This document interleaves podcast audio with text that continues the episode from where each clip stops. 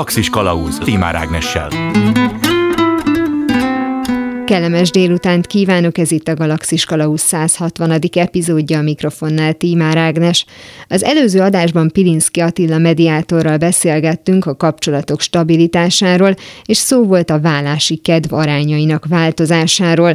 Kiderült, hogy koronként és kultúránként eltérő mekkora szerepe van a vallásnak, vagy éppen a társadalmi nyomásnak abban, hogy két ember végül külön váljon, vagy együtt maradjon.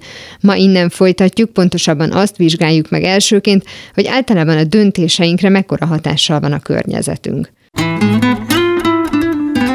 Első megálló Estót Márta Kócs van velem a vonalban, szia! Szia, szép napot mindenkinek! Ugye sok döntésünkre igaz az, hogy nem feltétlenül hallgatunk egyszerűen szólva a szívünkre, vagy akár mondjuk az eszünkre, hanem rögtön eszünkbe jut, hogy vajon mit gondolnának mások erről a döntésünkről, és úgy tűnik, hogy ez alól nagyon nehéz kibújni, mint hogyha velünk egy idős lenne ez az ösztön. Ezt jól látom, vagy mondjuk az idők folyamán ez erősödött, gyengült, tehát mennyire van most velünk ez a mit szólna hozzá a környezetünk, ha mi így vagy úgy cselekednénk? Azt hiszem, hogy a social médiának a megjelenésével és annak a fontosságának a növelésével sajnos a nyomás is megerősödött, úgy a társadalmi, mint a saját magunk irányában úgymond nyújtott elvárás és nyomott nagyon-nagyon-nagyon-nagyon erős stressz egyébként. De ez valóban így van, tehát ezzel erősödött, vagy egész egyszerűen kapott egy, egy képet, kapott egy kontrolládát ez az egész történet, mert vissza tudjuk keresni azt, hogy mi bizonyos helyzetekre hogyan reagáltunk, látjuk azt, hogy erre mások milyen reakciókat adtak, tehát valójában ennyi történt, vagy az, hogy ez megtörtént, ez már jobban felerősíti akkor a, a saját önkontrollunkat. Erősödött ez a társadalmi elvárás, és azt hiszem, ami a leginkább erősödött, az a saját magunk által fölépített imidzshez képest való elvárásunk. Azért furcsa, amit most mondasz, mert valamiért én azt gondoltam volna, hogy épp, hogy egyre jobban kezdünk ettől megszabadulni. Amit mondtál, teljesen logikus, és egyébként erre az aspektusra nem gondoltam, csak ahogy mondjuk, ha tényleg a vállás példájából indulunk ki, ami a múlt adásban hangzott el, 50-100 évvel ezelőtt sokkal inkább ragadtunk bele mondjuk rossz kapcsolatokba azért, hogy ne szóljanak meg minket. Most azért sokkal több helyről jön az a fajta önmegvalósítása a szó jó értelmében, ami a, a boldogulásunkhoz szükséges, az ha nem is mindenen túlmutató legyen, de legalábbis fontos helyet foglaljon el a döntéseinkben. A vállás is most már persze könnyebben megy, mint, mint 50-100 évvel ezelőtt, ahogy mondtad, de 50-100 évvel ezelőtt nők többsége nem dolgozott, és erős függésben volt, fügtek a férjeiknek a fizetésétől, a, a biztonság elvesztése. Tehát nagyon-nagyon sok tényező volt a társadalom úgymond kritikáján kívül. Ott volt az, hogy mit szól a közvetlen családom, hova megyek. Nagyon sok esetben ugye akár a család is kizárta az illetőt, ha, ha elvált, ha mert változtatni, és aztán ott volt az anyagi bizonytalanság, hogy mit kezd.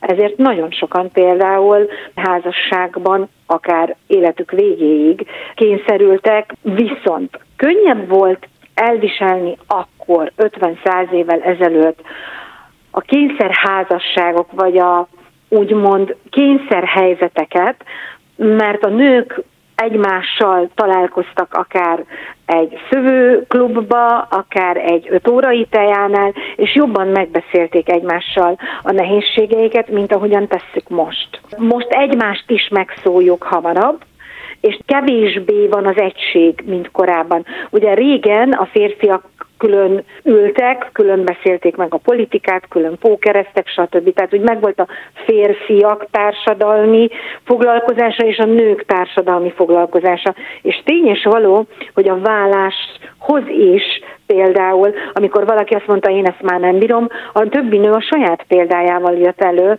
és úgymond új reményeket, új erőt adott az amúgy elválni készülő vagy akaró hölgynek. Manapság nem, nem ez van. Manapság az van, hogy mi azt hiszük, egyenjogúak vagyunk, én majd megoldom, fizetésem van, tehát könnyebben beadom a vállópert. És megmondom őszintén, egy részről ez a fajta magatartásunk növeli a vállások számát mert a türelmi és a változáshoz való hozzáállásunk például teljesen megváltozott. Egy középkor válságban lévő férfi feleség hamarabb fogja otthagyni a férfit, mert neki furcsa, ami történik, mint ezelőtt 50-100 évvel. Igen, hát nyilván ez egy messzebbre mutató probléma, de egyébként amit felhoztál példának, és nem is feltétlenül csak a vállásra vagy a párkapcsolatokra, igaz, hogy mondjuk például kalákában vartak, fontak, Igen. dolgoztak mondjuk Igen. az asszonyok, és beszélgettek az életükről, ahol persze segítséget is nyújtottak egymásnak, na de hogyha valamelyik asszony nem tudott jelen lenni, hát lehet, hogy beszéd téma lett, és ugyanúgy megvolt mindenkinek a véleménye róla, aztán legfeljebb, hogyha visszajutott hozzá, akkor ő azt a véleményt azt ugyanúgy beépítette esetleg a, a döntéseibe. Tehát, hogy abban az időben nem volt az kérdés, hogy a döntéseimnek része lesz az, hogy mit szólnak hozzá az emberek, ez hol segített, hol nem segített. Most pedig sokkal inkább gondolom én, azt mondjuk, hogy nem érdekel, hogy mit fognak gondolni az emberek, én úgy akarok dönteni, hogy az nekem a legjobb legyen. Ebből a szempontból teljes mértékben igazad van. Megnőtt bennünk az a fajta szabadság vagy eltávolodás, amikor döntést hozunk, hogy jaj, most mit fog szólni a kollégám, vagy mit szól a főnököm, vagy, vagy akár a családom. Ebből a szempontból igen. De azért mondom a social médiát és az elvárásokat, mert ez mondjuk a kapcsolatokra vonatkozik, de ahhoz, hogy hogyan nézünk ki, hány kilónk van, Tudod, ez már egy másik fajta nehezék a döntéseinkbe. És itt most nem csak a vállás, mint olyan, hogy jaj, mit szólnak mások, hanem a hogy nézek ki, mit szólnak mások. Mit dolgozom, mit szólnak mások, mennyi a fizetésem, mit szólnak mások, és egyáltalán hová tartozom, milyen társasághoz, milyen társadalmi réteghez tartozom.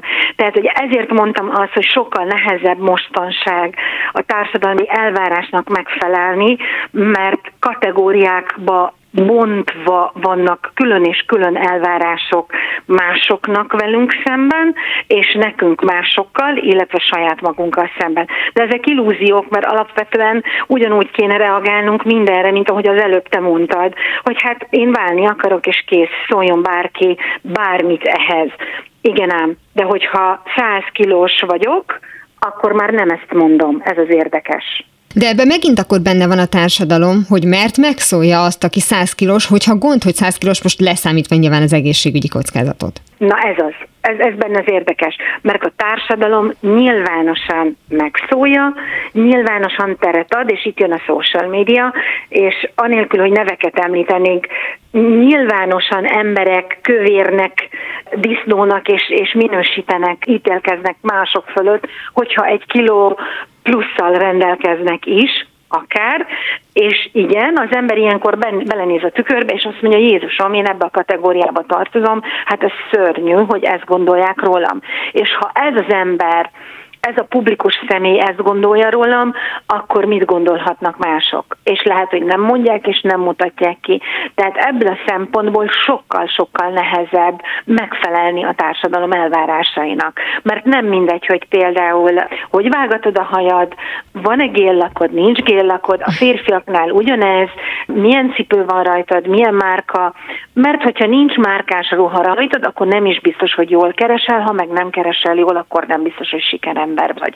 Ha nem vagy sikerember, nem feleltél meg a társadalom elvárásának. Mi arról beszélgettünk eddig, hogy a társadalom véleménye hogyan befolyásolja a döntésünket. Na, de a döntést megelőzi egy érzet, egy hangulat. Az, hogy én folyamatosan kapom mondjuk ezeket az ingereket, az először is az én lelkemben fog valami változást okozni, anélkül, hogy én ezt akarnám. Tehát, hogy lehet, hogy azt mondogatom, hogy nem érdekel, hogy XY mit mondott, vagy nem érdekel még az se, hogy közeli hozzátartozó, akár szeretetből, féltésből, de akkor is kicsúszik a száján az az egy-egy mondat, amitől a földbe döngöli a lelkemet, mondogathatom magamnak, akkor is meg fog viselni. A döntés az már csak egy sokkal későbbi folyamat, gondolom én. Tehát, hogy nyilván ezek csak részben kontrollálható dolgok, vagy van erre valamiféle módszer, hogy az ember mégiscsak próbálja távol tartani magát ezektől a véleményektől? Mindenféleképpen az lenne az egészséges, tehát mentálisan, ha, ha most prevencióra gondolunk, hogy egy egészséges gondolkodási módhoz, igen, a tudatosság kell, az, hogy szűrök, az, hogy nem maradok a social médián fél óránál tovább, vagy egyáltalán, hogy ott szűröm, hogy, hogy ez egy reklám, két lábon járó reklám, hölgy-e, férfi-e, vagy valóban valamit képvisel, de hogyha azt a valamit képviseli, akkor vajon mi van mögötte? Ezeket a, a képeket, amiket mondtál, ez valóban egyébként biztos, hogy valakit nagyon megvisel, valakit feldühít, valakit nem érdekel, és igen, az, hogy folyamatosan áramlik felénk, ki sem tudjuk néha zárni, észrevétlenül is befolyásolja mondjuk a kedvünket. De a minket körülvevő embereknek a véleménye, ahol meg aztán több lehetőségük is van arra, hogy esetleg azt kifejtsék, az talán mélyebb mélyebben érinthet, de ezt lehet, hogy rosszul gondolom. Jól gondolod, teljes mértékben. Többször beszélgettünk már veled, és a kedves hallgatók többször hallhatták tőlem pont azt, hogy, hogy az önazonossághoz, tehát az, hogy tudjam, hogy ki vagyok én, az ott kezdődik, hogy fogadjam el azt, aki vagyok, és hogyha hibát látok magamon, nem eltúlozva, próbáljak rajta igazítani. És hogyha ehhez kell egy edző, vagy kell egy külső szakember, itt most mentálisan vagy lelkileg beszélünk, ne sajnáljam rá a pénzt arra az átmeneti időszakra, hogy azzá váljak, aki akarok. De legyen reális a célom, legyen reális az a kép, amit el akarok érni saját magammal. És amikor én önazonos leszek, és amikor én elérem azt, hogy amikor a tükörben nézek, azt mondom, hogy elég jó. És nem a hibákat keresem, illetve hogyha kiszúrja a szememet a hiba, akkor azt mondom, igen, rajta vagyok, nyugalom, korrigálni fogom, nem most, jövőre kerül sor, addig nézem meg, hogy mi az, ami jó bennem, és mi az, amit mások dicsérnek, és fogadjam el a dicséreteket.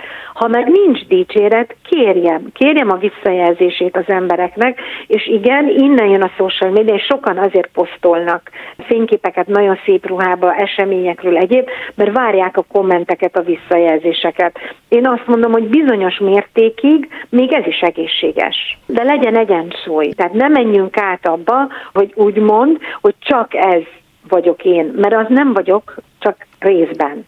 Tehát az belőlem egy rész egy eseményen, egy szép ruhával, egy szép sminkel és frizorával. Én is azt mondom, hogy igen, egészséges. De bátran tegyem ki azt a képet is, amikor egy kicsit morcosabb vagyok, és írjam hozzá, hogy ez is én vagyok, és ezt is vállalom. És legyen a kettő között gyönyörű egyensúly. A negatív véleményekről is beszélgetünk, és több korábbi beszélgetésünkben szóba került az, hogy hogyan tudjuk magunkat távolabb tartani azoktól a negatív hangoktól, amelyek rossz hatással lehetnek ránk. És én azt gondolom, hogy ez mindenképpen magyarázatra szorul, és, és kifejtésre szorul, mert lehet, hogy félreértelmezzük. Tehát amikor többször ez szóba került, akkor mindig igyekeztünk helyre rakni, hogy itt nem arról van szó, hogy ha valaki, mondjuk egy közeli barátunk rossz paszban van, akkor azt mondom neki, hogy figyelj, ma ne találkozunk, mert én nekem ma nincs kedvem a te rossz kedvedhez, hanem arról van szó, hogy ha valaki szándékosan vagy akár észrevétlenül olyan üzeneteket küld felénk, ami a saját magunkba vetett hitet fogja megrengetni, vagy legalábbis egy rossz érzést fog kelteni magunkkal szemben, akkor ez ellen mi tudatosan léphetünk. És ez nem azt jelenti, hogy kizárjuk a, a negatív hangokat, mert akkor megint az általad említett egyensúlyt fogjuk elveszíteni, hanem felteszem azt, hogy megpróbálunk magunknak valamilyen komfortosabb állapotot előállítani mindenképp az ilyen személyeket, akik többnyire negatív visszajelzéseket adnak, én is ismerek ilyet jó néhányat, az ilyen személyeket, akik, akik a negatív érzéseinket akarják táplálni, vagy ellenkezőleg azt mondom, hogy zavarja őket, hogy, hogy mi jól vagyunk, és egy picit csorbítani akar bennünk, mert ő nincs jól, ugye? Az ilyen személyeknek jó kijelölni a határokat. Nem azt mondom, hogy zárjuk ki az életünkből, ám fontos megbeszélni az illetővel, hogy milyen hatással van rám, azzal, hogy amikor te ezt teszed, én ezt érzem. És hogyha nem tud az illető egyszer, kétszer, harmadszori felszólítás után változtatni a szokásán, akkor igen, szólni kell, hogy akkor itt a vége. Mert hogy nem tesz jót. Ugyanakkor meg, megint azt mondom, hogy semmi nem fehér és nem fekete. Vannak olyan személyek, akik adnak nekünk negatív visszajelzést, nem jól tudják megfogalmazni, ám visszajelzés, és lehet, hogy tudunk belőle épülni. Ilyen esetben érdemes megvizsgálni, hogy az illetőnek mi a szándéka, és a tartalom, a negatív tartalom, abból lehet építkezni, vagy engem lerombol. Mert attól, hogy azonnal rossz érzésem van, még nem jelenti azt, hogy rombol is, hanem az egónkat mondjuk zavarja vagy a hiúságunkat zavarja. Tehát érdemes megvizsgálni a visszajelzéseket. Igen, de mondjuk ugye, amit mondasz, az, az megint egy olyan tudatosságot vár el tőlünk, amire törekedhetünk, csak nem tudom, hogy mennyire megvalósítható, hiszen ugye rólunk van szó, és nem biztos, hogy tudunk objektívek lenni, hogy ez most azért bánt engem, mert tudom egyébként a lelkem mélyén, hogy igaz, és hallgatnom kéne rá, vagy azért bánt, mert annyira nem igaz, hogy hogy veszi a bátorságot, hogy ezt mondja nekem. Nagyon nehezen tudom elképzelni, hogy az ember mindig jól választa ki ezeket a negatív hangokat. Jogos a kérdésed és a, a felvetésed, ez nem egy túlzott tudatosság. Ehhez tényleg nem kell, csak egy napi praktika. Egy picit kell javítani a kommunikáción, hogy ezeket úgymond jobban tudjuk szűrni, azaz a kérdezzünk többet az illetőtől. Ezt miért mondod? Mi áll mögötte? Voltál valaha a cipőmbe, és tudod, hogy mit érzek? Meg kell tudni fejteni, hogy az illető miért mondja, és abból, ahogy válaszol, meglátjuk az érzéseinket, hogy javulnak, azaz a enged egy picit a feszültség, vagy nem. De hogyha csak meghagyom magamba a tüskét, tehát elmondja az illető, valamit visszareagálok, hazaviszem, és elkezdek ezen kattogni, na az a romboló. De azt nem az illető okozta, hanem mi hmm. magunk okozzuk. Mert mi távoztunk úgymond egy, egy kommunikációból úgy el, hogy nem tisztáztuk a célját, a szándékát, a mögöttes érzéseket, mert az illető lehet, hogy jót akar, csak nem tud. Mondjuk egy negatív hatás ér minket, és azt gondoljuk, hogy akkor ez egy megbeszélésre alkalmas probléma.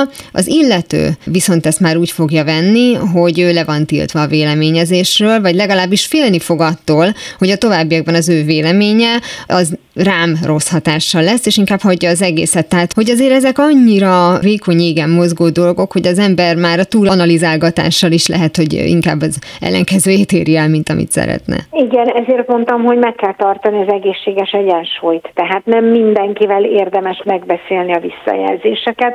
Ugye te azt kérdezted, hogy a közel állók. Aki közel áll hozzánk, feltehetőleg őszinték. Tehát, hogyha ad egy visszajelzést, egy negatív visszajelzést egyszer három hónapban, akkor azon gondolkozzak el, de akkor is érdemes megkérdezni, hogy ezt most miért mondod, vagy hogy látod. Ha valaki minden egyes alkalommal, amikor találkozunk, ad egy negatív visszajelzést, az egy romboló, az egy mérgező kapcsolat. Pont. Tehát hosszú távon érdemes ezeket így van, vizsgálni. Így van, persze. Meg kell vizsgálni, hogy az életőnek milyen az értékrendje. Mert nagyon sokszor van az, hogy az észlelésünk, a saját észlelésünk kivetítésbe megy át. Tehát, hogy bennünk zajlik valami saját magunkkal kapcsolatosan, és a másikba látjuk, vagy a másikra zúdítjuk. És a másik ember nem tudja, hogy, hogy mi történik. Kell a visszajelzés, ezeket tudni kell, vagy lepörgetni magunkról, vagy egy picit elgondolkodni rajta, hogy tudok én ebből épülni, rólam szól, nekem szól, vagy elengedem. Ellenne tenni valamit azért, mert a társadalom szól, és dafke csinálni dolgokat fölösleges, mert az önrombolás. Nagyon szépen köszönöm, Estót Márta, coach volt a vendégem telefonon. Nagyon szépen köszönöm. Tedd, vagy ne tedd, de ne próbáld. Nem csak a kapcsolatainkat, hanem általánosságban a megjelenésünket, társadalmi pozíciónkat is szívesen véleményezi a külvilág, ahogy az az előbbi interjúból is kiderült, mi pedig eldönthetjük, hogy a véleménnyel, amennyiben az el is jut hozzánk, mit kezdünk. Sokan a szépészeti beavatkozásokat még mindig úri huncutságnak tartják, mások ebben látják egy elégedettebb életreményét. A folytatásban arról is szó lesz, hogy a plastikai műtéteknek vajon mekkora hányada valósul meg a megfogadott tanácsok miatt, legyenek azok jogosak vagy tévedésen alapulók. Második megálló a vonalban dr. Juhász Péter plastikai sebész van velem, jó napot kívánok! Kerékcsakolom, jó napot kívánok! Amikor önt felkeresi egy páciens, leendő páciens, feltehetően elmondja, hogy mi az amin és miért akar változtatni. Ezekben a vágyakban mennyire lehet érezni azt, hogy itt van egyfajta külső nyomás, amiből már belső vágy alakult, vagy azért elég tudatosak vagyunk, hogyha valaki meg akar valamit változtatni saját magán, akkor azért ez egyértelműen egy, egy saját döntésnek az eredménye, és nem arról szólt, hogy már milyen régóta hallgatom, hogy kicsi vagy nagy rajtam ez vagy az. Ha nagyon egyszerűen akarnék fogalmazni, akkor azt mondhatnám, hogy is is. Talán az utóbbi időben egyre többet látom, vagy észlelem a hozzám forduló páciensek részéről, hogy valakire akarnak hasonlítani. A valaki az nem feltétlenül azt jelenti, hogy egy nagyon híres emberre, ezek ugye extrém példák, amikor valaki Barbie babával akarta magát operáltatni, talán erről ma nincsen szó, de arról igen, hogy szeretnének valakihez hasonlítani, szeretnének olyan orrot, szeretnének olyan mellett, olyan, olyan formát, olyan alakot, mint, és mutatnak egy képet. És ezek a képek általában valahogy az Instagramon, vagy, vagy egyéb a social médiában megtalálható figurákra hajaznak. De van olyan is, aki elég régen és elég konzekvensen készül arra, hogy szeretne megváltoztatni valamit magán, de ehhez erőt, pénzt, energiát vagy időt kell gyűjtenie, szakítani rá. Tehát, hogyha valaki mondjuk tizenéves kora óta, és tényleg nemtől függetlenül nem szereti a fülét, vagy azért, mert túl nagy, vagy azért, mert túl kicsi, és szeretne vele valamit csinálni, és ahogy ön is mondta, ehhez gyűjtötte a pénzt és az energiát, akkor ott feltehetően nem egy képet fog vinni, hanem azt mondja, hogy én nem szeretném, hogy ilyen legyen, és akkor elkezdődik egy konzultáció, hogy az adottságokból mit lehet csinálni. Tehát azért gondolom még ezzel a lehetőséggel is találkozik. Hogyne, persze, természetesen. De akkor ez most ritkábbnak mondható, vagy egész egyszerűen csak fura, hogy megjelentek ezek a hasonlítani akarunk valakire metódusok? Régebben is volt ilyen. Tehát volt olyan, aki egy fényképet hozott. Én azt gondolom, hogy azért ma már egy fénykép alapján talán jobban lehet pontosítani. Tehát én ezt nem tartom olyan nagyon rossz megoldásnak. Inkább úgy mondanám, hogy azért az utóbbi időben egyre többször fordul elő, hogy valaki hoz képet és mutatja, hogy mit szeretne vannak trendek, ami egy kicsit nekem riasztó, mert azért ezek a trendek, ezek olyan műtéti folyamatot indítanak el, ami azért 15-20 év, 30 év múlva is ott lesznek a, a páciensen. Gondolok arra, hogyha valakinek ma egy a trendnek megfelelően egy szép, vékony orrot formázunk, egy piszer vékony orrot, akkor ez lehet, hogy 20 év múlva már nem lesz trend, de az óra már olyan. De múltkor egy paciensen meglepett, aki megkérdezte tőlem, hogy egy hasplasztikát hogyan végzek. És egy kicsit zavarba voltam, mert mondjuk nem technikailag, hanem aztán rögtön átért, hogy, hogy és a meccés az milyen bikini vonalban van, és akkor egy kicsit elgondolkoztam ezen, hogy igen, de a bikini már megváltozott. Igen. Mert a Bévacs idejében egy magasan fölhúzott bikini volt a jellemző, tehát jellemzően egy hasplastikának a meccését ezt kellett, hogy vezesse. Ma pedig egy sokkal viszintesebb meccés. Igazán mondhatom megint azt, hogy divatos, mert ma meg ilyenek a fehér neműk. Ez azért egy kicsit riasztó. Örülök, hogy ezt mondta, hogy ez a fényképes iránymutatás azért nem feltétlenül ördögtől való, hogyha valaki nem azzal érkezik meg, hogy már pedig olyan orrot akarok, mint Michel Fejferi, mert egyébként tisztelem munkásságát, tehát hogy ott megint van valami a háttérben, ami nem feltétlenül arról szól, hogy tudom, hogy az ő orra nekem jól állna, de azt tudom, hogy a fodrászhoz én a leggyakrabban úgy megyek el, hogy viszek 15 darab képet, amit találtam a neten, hogy hát ilyen legyen elől a hajam, ilyen legyen hátul, és akkor úgy összerakjuk, mert nem tudnám a fodrásznak elmondani, hogy én milyen hajat szeretnék, és talán mondjuk a páciensek egy része is így van, hogy oda megy önhöz, és azt mondja, hogy hát legyen egy kicsit kisebb az orrom, de nem úgy, mintha, és akkor egyszerűbb a, a fényképes megoldás. Tehát itt a fénykép esetében nem feltétlenül kell, hogy valamilyen mögöttes tartalom legyen, hanem egész egyszerűen egy iránymutatás, ami segítség lehet önnek is, meg neki is. Persze, ez így van. Persze az is előfordul, hogy, a, hogy úgy jönnek, hogy na ilyet kérek. Tehát nem azt, hogy körülbelül ezt. És akkor azért itt nagyon fontos, hogy az ember pontosítson, hogy mi az, amit lehet. Tehát mi az, amit valóban reálisan kihozható, illetve hát nagyon sok minden megoperálható, de nem biztos, hogy megszabad.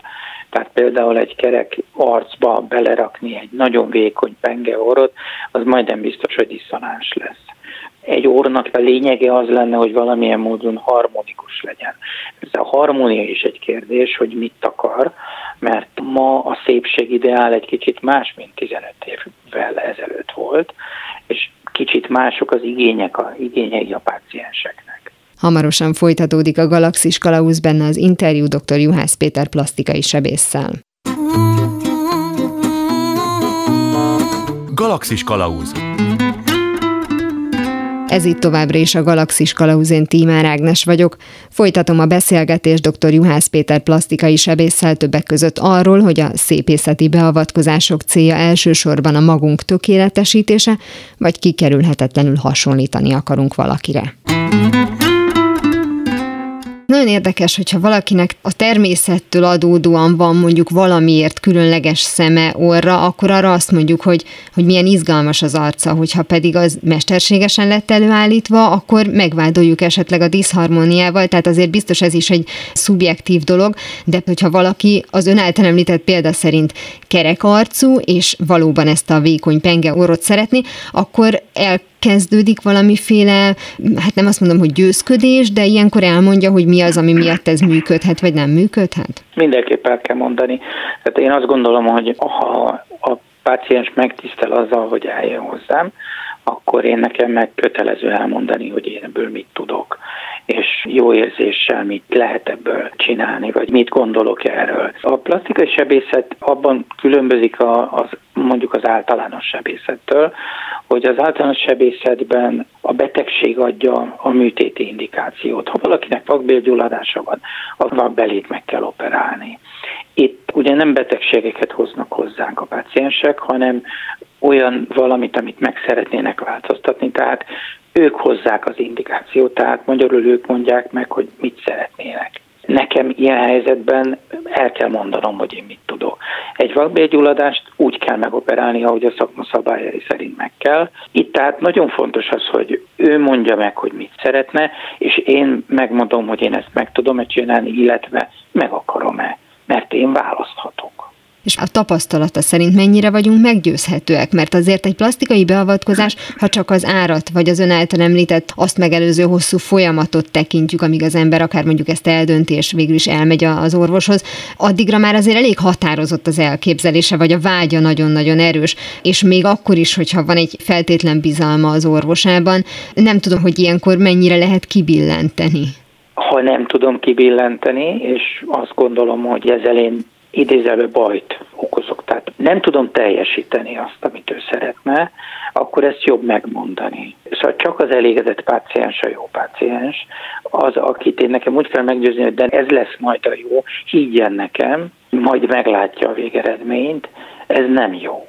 A jó az, hogyha előtte tisztázok, és előtte beszéljük meg, és azt mondja, hogy aha, oké, okay, akkor legyen így. Tehát akkor, amikor össze tudjuk fésülni azt, amit ő szeretne, és amit én gondolok erről. Az mondható egy sikeres hát műtéti beavatkozásnak, amikor nem találkozik többet a pácienssel? Ezt azért kérdezem, mert ön mondta, hogy hát itt nem betegségről van szó. Ha most nagyon szélsőséges eseteket veszük, akkor szokták azt mondani, hogy lelki betegség. Én ezt nagyon nem szeretem, mert ha valaki nem kedvel magán valamit, és ettől minden nap rossz kedvel kell föl, akkor miért ne változtasson rajta, hogyha ez tényleg segít. De régebben az a vád értek a plastikai sebészetet, hogy hát ha valaki erre rákap, tehát ezt egy ilyen divat hullámként kezeli, akkor rá fog jönni, hogy mindig van még magán valami javítani való. És akkor azt fogja látni, hogy hát ez a paciens sem fél éve itt volt, aztán egyszer csak visszajön, mert most már kitalálta, hogy eddig csak az óra nem tetszett, de most már a füle sem tetszik neki. Tehát, hogy valóban az a sikeres metódus, hogyha egy valamiért jött, az olyan lett, amilyet szeretett volna,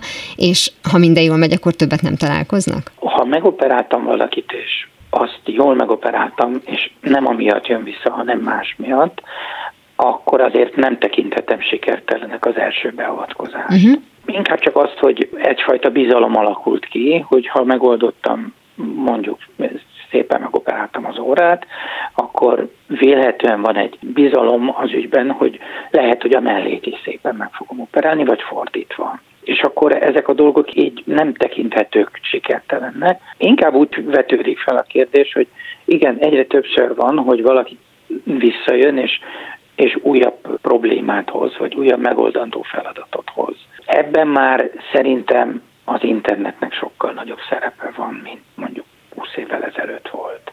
Tehát az, amit közvetít most az internet, az egy kicsit indukálja is, a páciensekben azt a fajta elégedetlenséget, ami az egyik hozza a másikat. Tehát akkor itt visszakanyarodunk ahhoz, amiről eredetileg is beszéltünk, hogy egyfelől van egy olyan divat része a dolognak, hogy lát valami konkrét példát, hogy milyen szeretne lenni, és látja azt, hogy azok a bizonyos címlap férfiak és nők, azokon minden úgy rendben van, vagy legalábbis ezt gondolja, és nem, nem, a, nem a retusálásra és nem a, nem a Photoshopra gondol. A másik visszatérő páciens esete az pedig gondolom az, aki, hát nem tudom, hogy a karbantartása jó szó, nem ez a jó szó erre. Szokták azt mondani mostanában, hogy azok a plastikai beavatkozások, amelyek azt szolgálják, hogy mondjuk a fiatalon tartás hatását keltsék, azokat valójában nem egy bizonyos életkor után kell elkezdeni, hanem hogyha valaki elég tudatos, akkor elkezdi azt időben, 35-45 éves korában is akár, hogy egy picit mindig, hogy ne legyen feltűnő a változás.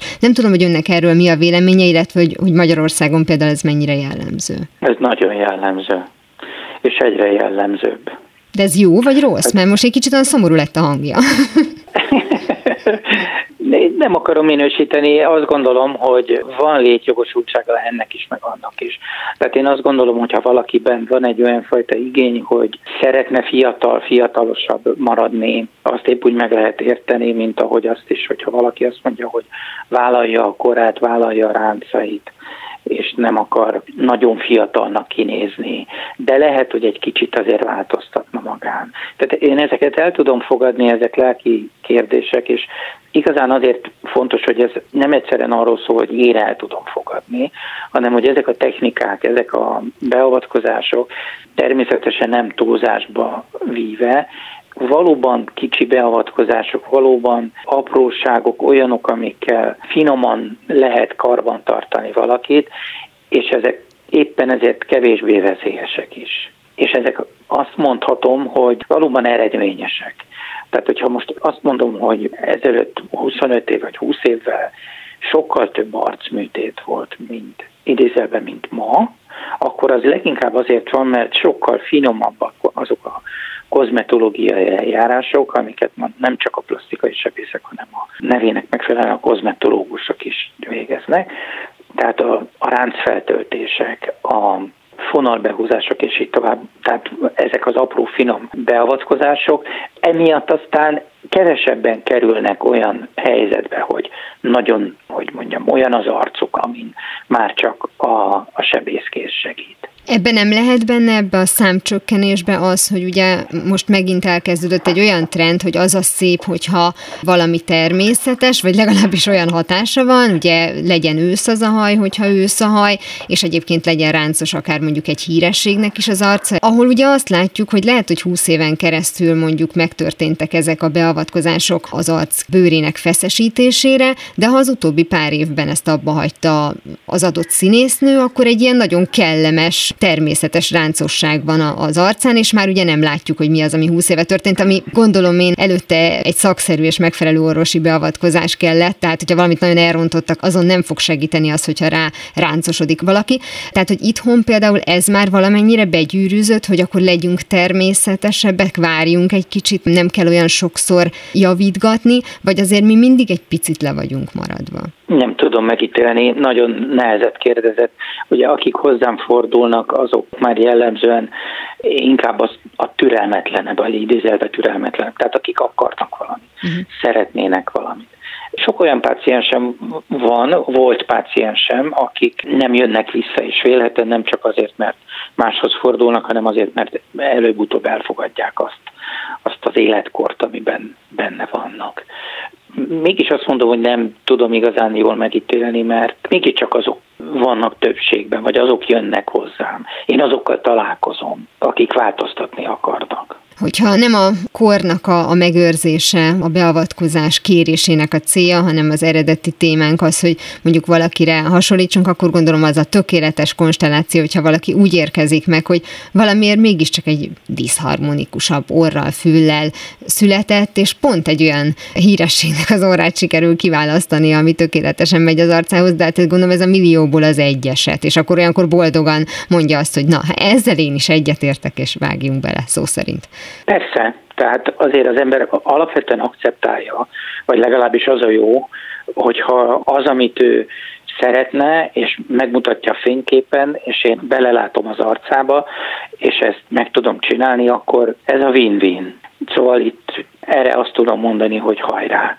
Szerencsére azt mondom, hogy azért ez nem ritka tehát azért ezt úgy jól lehet közelíteni az esetek túlnyomó többségébe. Ezt lehet, hogy maga a páciens is érzi? Tehát, hogy nem véletlen, hogyha belenéz a tükörben, akkor pont az az egy dolog, amit évek óta mindig felfedez magán, hogy és ez valamiért nem stimmel, és nem véletlen, hogy azokat a fotókat nézeget, és azokat a hírességeket, mert valahol érzi, hogy talán az az orr, az neki, az a fül. Mindig, bocsánat, nem akarok mindig orrot mondani, akkor az a szemkivágás, ajak forma az arcon, ami megfelelő lenne neki hogy ki mit vesz észre a tükörbe magán, az nagyon szubjektív, ezt nagyon nehéz megítélni. De egy kicsit, hogyha mondjuk a, akár a szemekre gondolunk, egyre divatosabb most az úgynevezett macska szem.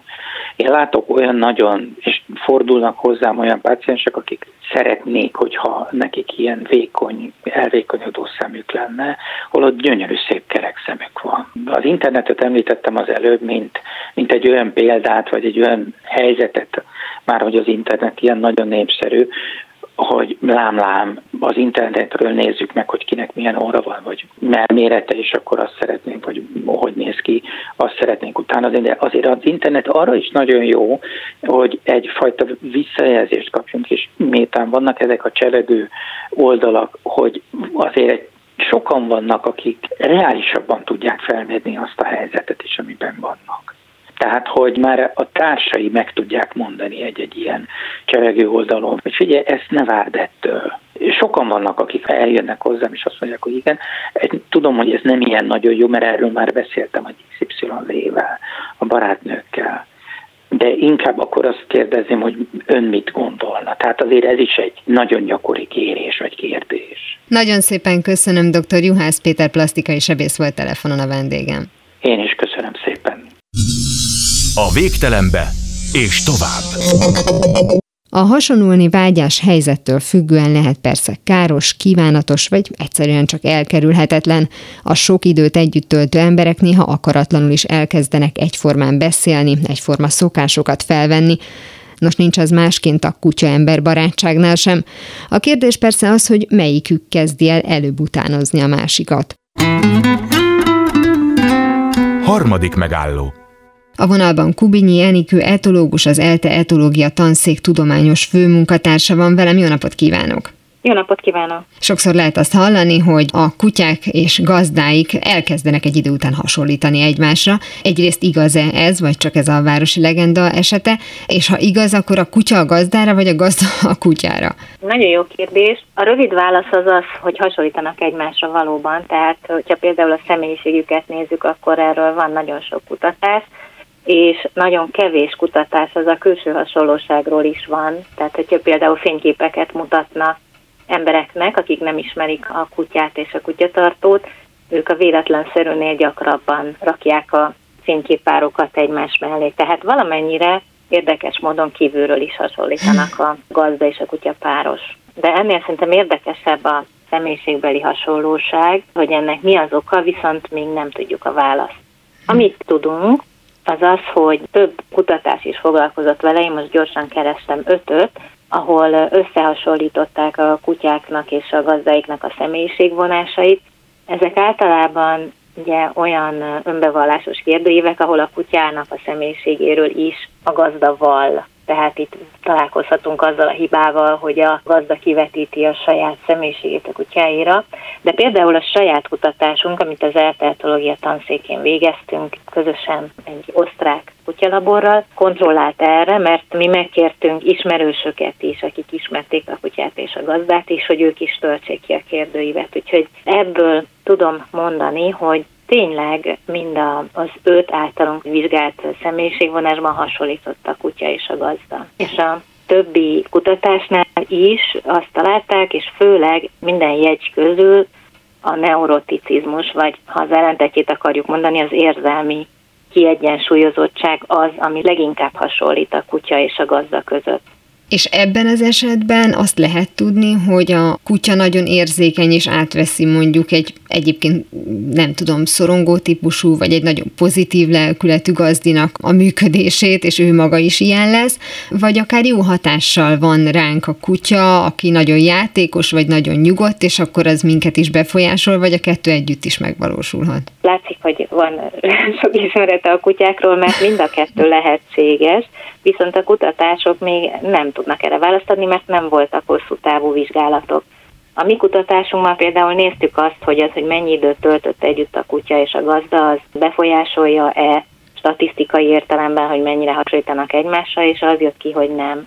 De mi csak felnőtt kutyákat vizsgáltunk, tehát lehet, hogy ez a hasonlóság már kölyökkorban kialakult az biztos, ismerjük a pszichológiából, hogy a hasonló hasonlót választ, tehát hogy a hasonlók vonzák egymást, és ez a kutyáknál is igaz. Tehát főleg a fajta tiszta kutyánál igaz az is, hogy meg lehet tippelni jól, hogy ki a gazdája felkínált képek közül, mert ugye már a küllem alapján igyekszünk olyan kutyát választani, aki valamennyire illeszkedik hozzánk, és lehet, hogy ez a személyiségnél is így van. De ennél azért sokkal valószínűbb, hogy az, hogy a kutyák arra lettek szelektálva, hogy folyamatosan figyeljenek bennünket, alkalmazkodjanak hozzánk, érzelmileg is hangolódjanak hozzánk, ennek sokkal nagyobb a szerepe, és lehet, hogy az érzelmileg kiegyensúlyozatlan kutyáknak emiatt kell szembenézniük sokkal több viselkedési problémával a kutya részéről. Emiatt gyakoribb, hogy az ő kutyáik megharapnak más embereket, vagy más kutyákat. Lehet, hogy emiatt gyakoribb az is, hogy ők magukat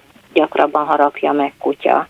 Úgyhogy valószínűbb, hogy az ő kiegyensúlyozatlanságuk az, ami inkább átsugázik a kutyára, vagy az, amit a kutya átvesz, amire ráhangolódik. Említette azt, hogy sokszor előfordulhat, hogy kivetítjük ezeket az érzéseket, vagy gondolatokat a kutyára.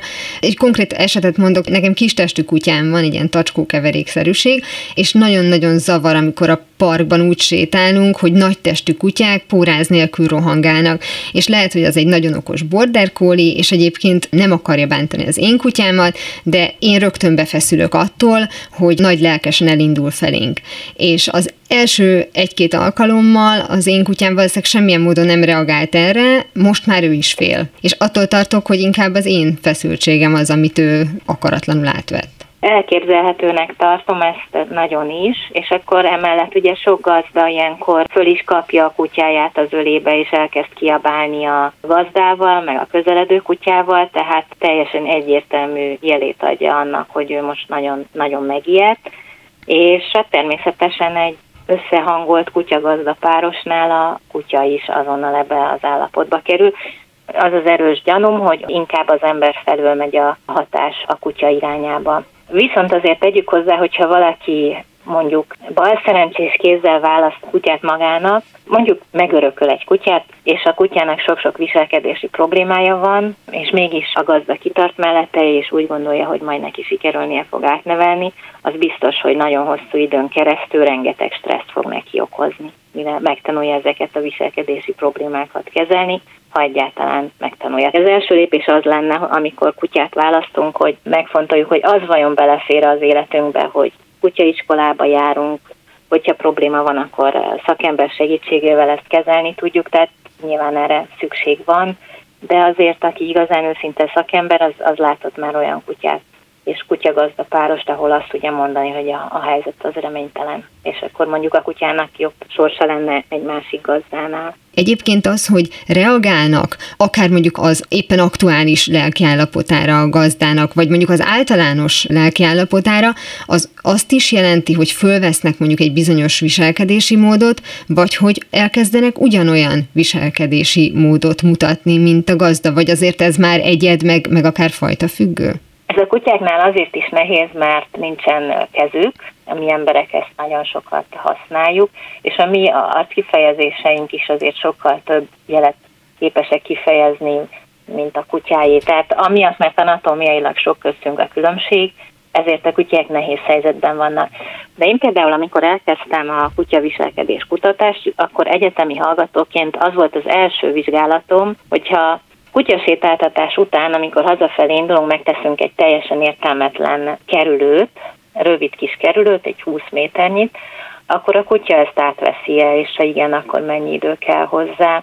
És nyolc gazdát beszéltem rá arra, hogy, hogy tegye meg rendszeresen a bejárati ajtó előtt ezt a kis kerülőt, és a kutyáknak a fele rákapott. Semmilyen jutalmat nem kaptak értem, nem szólt hozzájuk a gazda, nem volt semmi más jutalom, csak az, hogy szinkronizálódhattam a gazdával. Tehát az, hogy a kutyában van egy ilyen természetes késztetés, hogy legyen mindig a gazda mellett, figyeljen rá, nem nagyon sok kutyában van, ezért tudnak velünk együtt élni, akár a nagyvárosban is. Ezek szerint nyilván a rendszerességet is kedvelik. Én a saját kutyámon látom, hogy ő azt is megszokta, hogy akkor van a reggeli séta, amikor a gazdi reggel föl kell. De én nagyon sok gazditárstól hallom azt, hogy reggel hatkor őket egyszerűen kiveri az ágyból a kutya, mert hogy a kutya kialakította a saját napirendjét, és a gazdi valószínűleg hát már ideje korán elrontotta, és az elkényeztetett gyerek esete lett, és akkor a kutya mondja meg, hogy mikor van reggel. Vagy ez nem ettől függ? Igen, a kutyának sikerült megnevelni a gazdát, hogy fogadjon szót neki.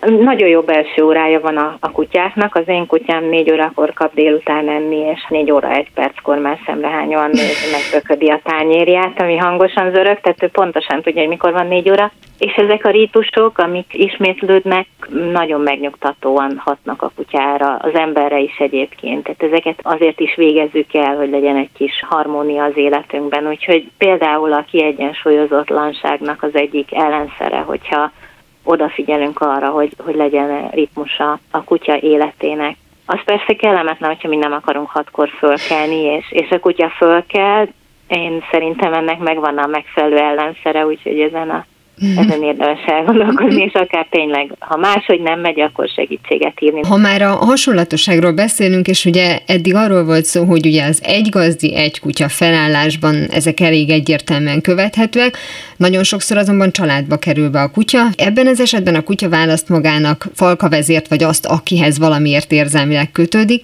és ha ez megtörténik, akkor az ő rezgéseire, az ő lelki állapotára lesz inkább fogékony, vagy egy családi kutya egy kicsit ilyen tudathasadt állapotban van, és valamennyire mindenkire figyelnie kell. Is, is. A kutyák azok azért olyan nagyszerű lények, mert minden helyzethez alkalmazkodnak. Tehát lesz arra példa, hogy választanak maguknak valakit a családból, és arra is lesz, hogy természetesen ahhoz kötődnek legjobban, aki a legtöbbet foglalkozik velük, aki eteti őket, elviszi sétálni, odafigyel az igényeire. De van olyan is, amikor hiába foglalkozik nagyon sokat valaki kutyával, a kutya mégis mondjuk az apát, aki a legerősebb, legmélyebb hangú figura a családban, őt fogja követni, és neki fog leginkább a szót fogadni. Mindenre van példa. A kérdésnek a fordítottja nagyon izgalmas, és azt is vizsgáltuk, hogyha nem egy kutya van a családban, hanem több, és van nekik egy gazdájuk, akkor milyen a hasonlatosság közöttük.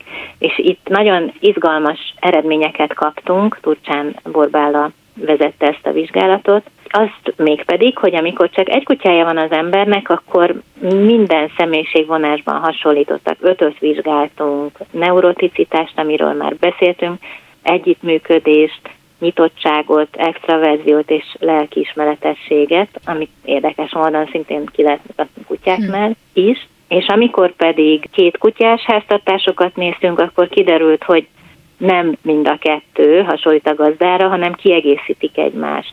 Tehát az egyik kutya az mondjuk az érzelmi kiegyensúlyozottságban hasonlít, a másik pedig a, az extraverzióban, a társaság kedvelésben. Úgyhogy arra gondoltunk, amikor ezt találtuk, hogyha adott esetben a gazdának nem sikerül elsőre jó kutyát választania, olyan értelemben, hogy nem ideszkedik hozzá az általa kívánt mértékben, akkor a másodikkal ezt tudja kompenzálni. Én azért azt nem szeretném ajánlani, hogy a problémás kutyák mellé vegyünk még egyet, tehát a kutatásunk az nem ezt mutatta ki, hanem csak azt, hogyha kettő kutya él egymás mellett, akkor a személyiségük úgy egészíti ki egymást, hogy ketten együtt már mindenképpen hasonlóak lesznek a gazdához. Nagyon szépen köszönöm Kubinyi Enikő etológusnak, az ELTE etológia tanszék tudományos főmunkatársának, hogy mindezeket elmondta. Köszönöm szépen én is a megkeresést. Toto, azt hiszem már nem Kenzeszben vagyunk. Az egymáshoz formálódott gazdi kutya párosok legparádésabb ábrázolását szerintem a 101 kiskutya című animációs filmben találjuk. Ha most így hirtelen nem ugrik be a jelenet, amelyben olyan ebeket és az őket sétáltató gazdáikat látjuk, akik mozgásukban, színeikben és méretükben is azonosak, akkor javaslom a klasszikus mese újbóli megtekintését, akár az egész filmet is, abból baj nem lehet. Mára ennyi volt a Galaxis Kalauz, jövő héten ugyanekkor találkozunk. Hamarosan archívumunkból vissza visszahallgathatják a mai adást is, valamint most már podcast formában is elérhető a műsor. A Rádió és a Galaxis Kalausz Facebook oldalán további érdekességeket találnak, illetve ha még nem tették, iratkozzanak fel YouTube csatornánkra. Köszöni a figyelmüket a szerkesztő műsorvezető Tímár Ágnes. Viszont hallásra! Viszlát, és kösz a halakat! Ez volt a Galaxis Kalauz. Timár Ágnes műsorát hallották.